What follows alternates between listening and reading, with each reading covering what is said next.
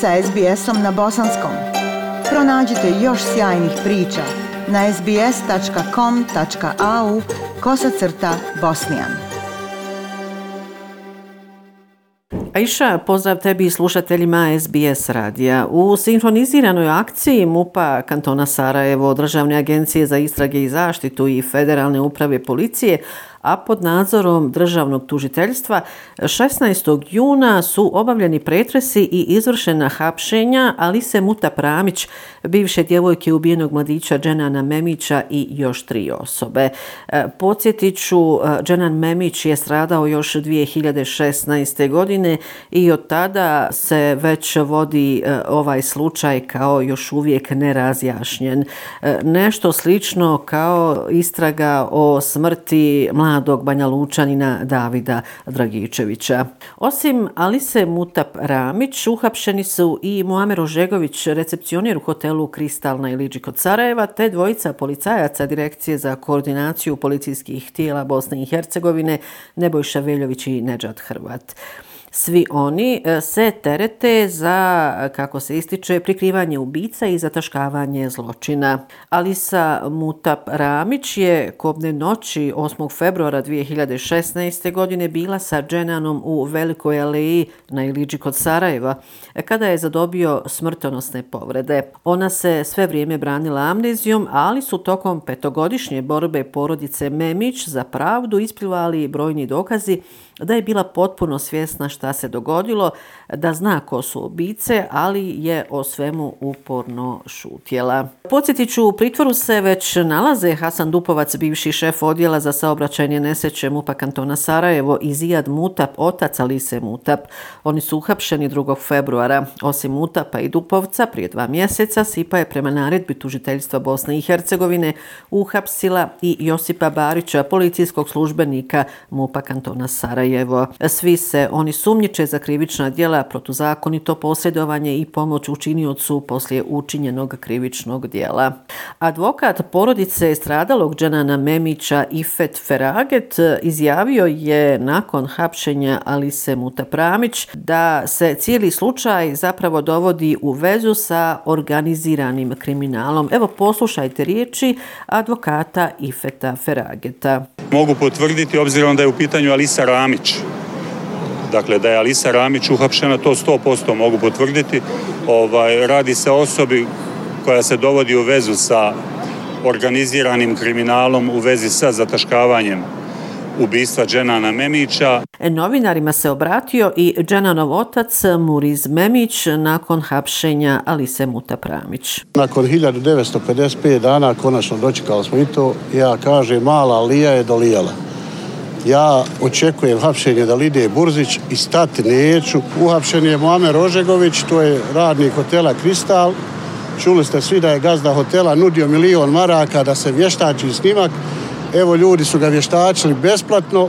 19. juna sud Bosne i Hercegovine je odredio jednomjesečni pritvor Alisi Mutap Ramić. Još jedno hapšenje se desilo 18. juna. Naime, Denis Prcić, osnivač i direktor Američkog univerziteta u Bosni i Hercegovini, Uhapšen je toga dana u Tuzli u okviru predmeta koji se vodi zbog sporne diplome koji je ovaj univerzitet izdao direktoru obavještajno-sigurnosne agencije Bosne i Hercegovine Osmanu Mehmedagiću Osmici. Prcića su prema nalogu tužiteljstva Bosne i Hercegovine uhapsili pripadnici Ministarstva unutrašnjih poslova Tuzlanskog kantona i sumnjiči se da je omogućio stjecanje diplome direktoru OSE na nezakonit način. Osim Prcića, uhapšeno je i njegovih dvoje saradnika, i to Melisa Belkić-Mujkanović i Emir Mujkanović, koji su također uposlenici Američkog univerziteta u Bosni i Hercegovini. Ova informacija je potvrđena iz tužiteljstva Bosne i Hercegovine, koje je izvanično navelo da su pretresi i hapšenja obavljeni radi pronalaska dokaznih materijala o radu i djelovanju ove ustanove, a u okviru istrage koja se odnosi na nezakonitosti i neregularnosti u vezi sa izdatim diplomama. A iša, nažalost, Federacija Bosne i Hercegovine još e, nema ni jednu vakcinu koju je kupila, a 18. juna e, Siniša Skočibušić, vede direktora Zavoda za javno zdravstvo Federacije Bosne i Hercegovine, e, potvrdio je u Mostaru da ugovor za direktnu nabavku federalne vlade 500.000 Sinopharm vakcina proizvođač iz Narodne republike Kine još nije potpisao. Skočibušić je na upit e, novinara o tome je li kineska strana potpisala ugovor i kada se očekuje isporuka vakcina kazao između ostalog, citiram, sa naše strane je ugovor potpisan i mi smo originale poslali u Kinu. Sada očekujemo da oni potpišu, a kada to urade, moramo što prije uplatiti novac. Nakon uplate predviđeno je da prvi kontingent ide za pet dana. To su riječi Siniše Skočibušića, vede direktora Zavoda za javno zdravstvo Federacije Bosne i Hercegovine, u međuvremenu Aisha i dalje e, Bosanci i Hercegovci, a zapravo najviše Sarajlije idu u susjednu Srbiju gdje se već uveliko e, obavlja i vakcinacija i revakcinacija.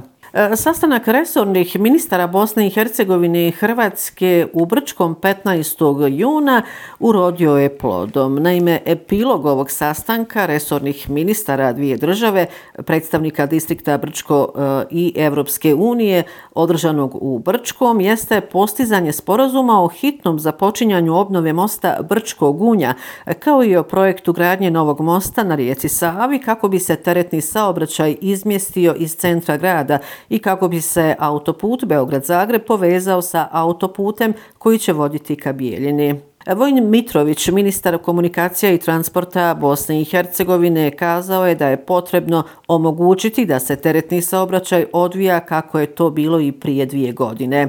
Ministar mora e, prometa i infrastrukture Hrvatske Oleg Butković kazao je da će na osnovu sporazuma koji je lani potpisao sa Mitrovićem biti obnovljeno svih deset mostova koji povezuju Bosnu i Hercegovinu i Hrvatsku, a jedan od njih je i most Brčko-Gunja. Šef delegacije Evropske unije u Bosni i Hercegovini i specijalni predstavnik Evropske unije Johan Sattler, koji je također e, bio na ovom sastanku, naglasio je da je Evropska unija osigurala 250 miliona eura bespovratnih sredstava koja se investiraju u 15 ključnih infrastrukturnih projekata. Na Trebeviću, tačnije na Brusu, 18. juna e, promoviran let balona koji će obogatiti turističku ponudu glavnog grada Bosne i Hercegovine. E, riječ je zaista o atrakciji, a projektom Enjoy Sarajevo Romanija region osiguran je novi turistički sadržaj koji su financijski podržale Evropska unija i vlada Njemačke. E, letjelica radi na principu zagrijanog zraka ovaj veliki balon, dakle turistički balon, uzdiže se vertikalno, a horizontalno kretanje u zraku zavisi od ustrujanja vjetrova. Letjelica može primiti pet putnika i pilota, te je potpuno sigurna. E, još uvijek se ne zna koja će biti cijena za turističko razgledanje e, Trebevića i grada Sarajeva, a e, Igor e, Tošić, direktor turističke zajednice Jahorina, je ovom prilikom izjavio. Cijena će se definisati tako da ovaj sadržaj bude samo samo održiv, da pokrije te osnovne troškove ljudstva i bogovskog goriva svakako da će ostale troškove turističke organizacije, to će definisati u narednim danima, jer sa današnjim e, dizanjem balona uradili smo prezentaciju, zadovoljili smo formu uh, ugovora koji imamo sa donatorima. I eto, a iša ovom informacijom završavam ovo sedmično javljanje iz Sarajeva. Još jednom vam lijepe pozdrave upućuje iz glavnog grada Bosne i Hercegovine Semra Duranović-Koso. SBS na Bosanskom. Podijelite naše priče preko Facebooka. Želite poslušati još ovakvih priča? Slušajte preko Apple podcasta, Google podcasta, Spotify ili kako god da primate svoje podcastove.